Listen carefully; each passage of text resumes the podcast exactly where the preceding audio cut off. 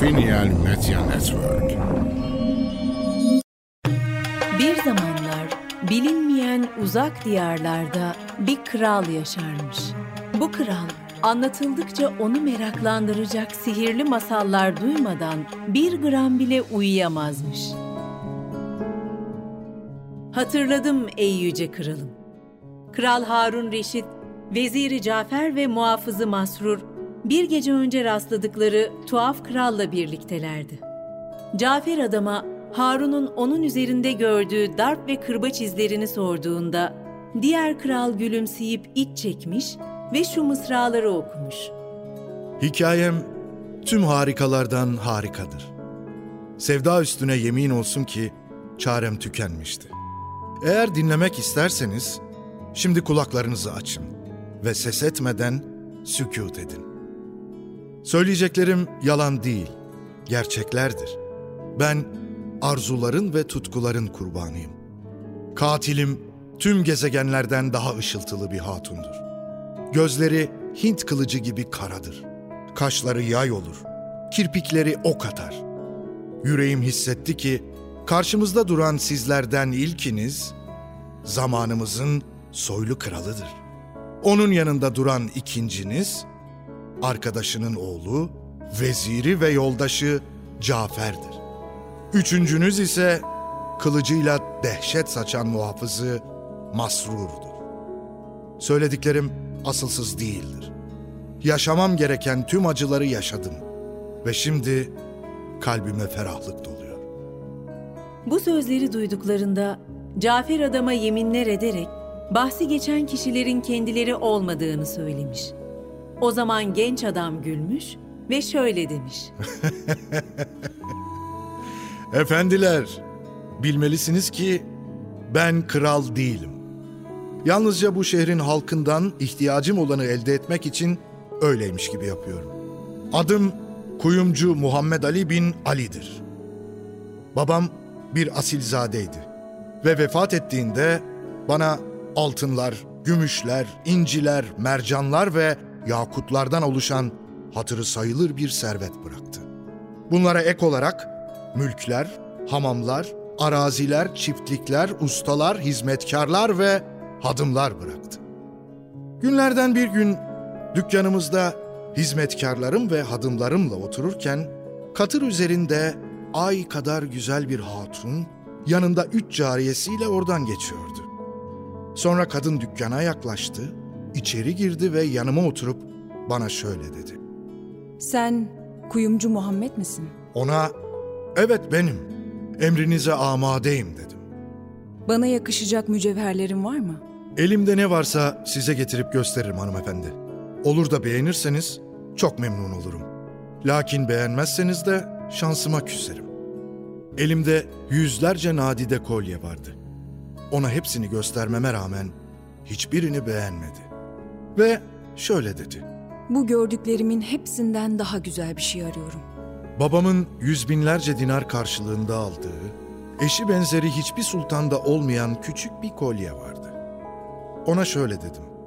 Elimde eşsiz mücevherlerden ve değerli taşlardan yapılmış bir kolyem daha var. Onun gibisine daha kimse sahip olmamıştır. Kolyeyi görmek istedi ve gördüğünde şöyle dedi. Bütün hayatım boyunca aradığım ve sahip olmak istediğim şey bu. Fiyatı nedir? Babam bunu yüz binlerce dinar karşılığında satın almıştı. O halde size kar da kalması için üzerine 5000 dinar daha ekleyeceğim. Ben de şöyle dedim. Bu kolye ve sahibi emrinizdedir hanımefendi.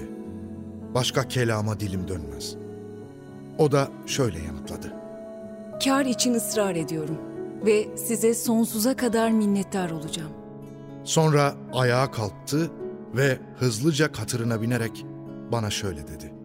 Beyefendi lütfen, parayı almak için bizimle gelirseniz günümüzü şenlendirirsiniz. Dükkanımı kapattım ve kendisine evine kadar eşlik ettim. Evin kapısı altın, gümüş ve cevherlerle süslüydü. Üzerine şu mısralar oyulmuştu. Ey güzel ev! Mutsuzluk sana uğramayacak ve zaman içindekilere ihanet etmeyecektir. Burası tüm konuklar için kutsal bir yuva. Misafir kalanlar başka yerlerde huzursuz olacaktır. Hanımefendi eve girdi ve beni bir kanepeye buyur ederek parayı ödeyecek kişi gelene kadar beklememi istedi. Yaklaşık bir saat kadar oturduktan sonra bir cariye gelip bana şöyle dedi. Beyefendi, lütfen koridorda bekleyin. Burada oturmanız münasip değildir. Kalkıp koridora ilerledim ve bir sedire oturdum. Sonra bir de ne olsun? Bir cariye daha gelip, affedersiniz beyefendi, hanımım sizin divan odasına geçip paranız getirilene kadar orada beklemenizi rica etti dedi. Ben de kalkıp oraya geçtim. Oturur oturmaz karşımda altından yapılmış, üzeri ipek perdelerle kaplı bir koltuk gördüm. Perde biraz aralandı ve kolyeyi benden alan kadın ay gibi parlayan yüzünü bana dönmüş oturuyordu. Boynunda da kolyesi takılıydı. Aklımı yitirecek gibi oldum. Onun güzelliği ve ihtişamı karşısında nutkum tutuldu. Beni gördüğünde oturduğu yerden kalkıp bana doğru ilerledi ve şöyle dedi. Gözümün nuru. Senin gibi etkileyici erkeklerin hepsi sevenlerine böyle zalim midir? Kıymetli hanımefendi, siz güzelliğin vücut bulmuş halisiniz. Ve bu gördüklerim cazibenizin sadece ufacık bir parçasıdır.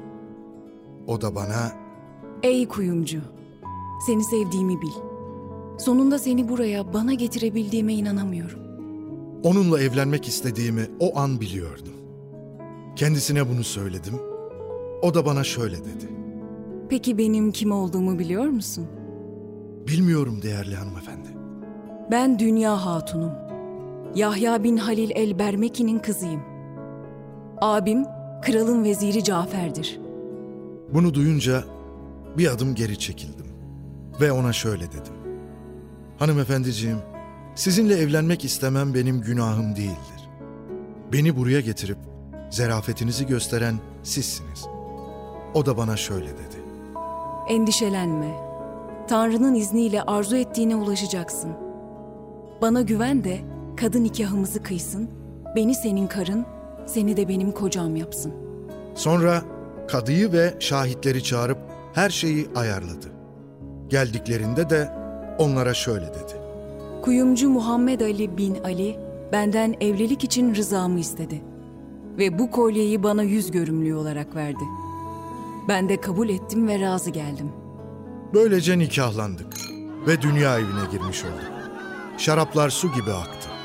Hepimiz içkinin etkisine girerken hanımım cariyelerinden birini çağırıp ondan şiir okumasını istedi. Cariye de şu dizeleri okumaya başladı. O karşıma çıktığında dolunayı, gazelleri ve gölgesini gördüm.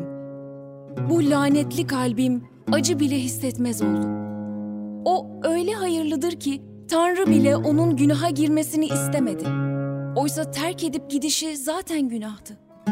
Eğer bana onun adını söyleyeceklerse azap çekmeye razıyım. Hasret çekmiyormuş gibi yapıp günümü gün eder görünürüm. Bilmezler ki onu düşündükçe içim yanar, içim kanar. Sureti hükümdar gibi yüce ve ulu. Nur cemali en büyük mucizedir. Yanaklarında çiçekler açar, şafakta üstüne nurlar yağar. Ayıplayanlar beni vazgeçirmek isterler lakin bir kez inanmışım, yolumdan dönemem. Cariyeler şarkılar ve şiirlerle eğlenceyi sürdürdü. Ömrüm boyunca yaşadığım en büyüleyici gece o geceydi. Dükkanımı, ailemi, topraklarımı ardımda bırakarak aylarca onun yanında kaldım. Ve bir gün bana şöyle dedi. Gözümün nuru, efendim Muhammed. Bugün hamam günüm. Beni burada bu yatakta bekle ve ben dönene dek kıpırdama. Bana yemin ettirdi. Ve ben de başım üstüne dedim. Ayrıca yerimden hareket etmeyeceğim üzerine de yemin ettirdi ve ardından yanına cariyesini alarak hamama gitti. Allah şahit efendiler. Hanım daha koridora varmadan kapının tıklatıldığını duydum. Ve gün Şehrazat'ın üstüne ağarmaya başlamış. Böylece masalın devamı sonraya kalmış.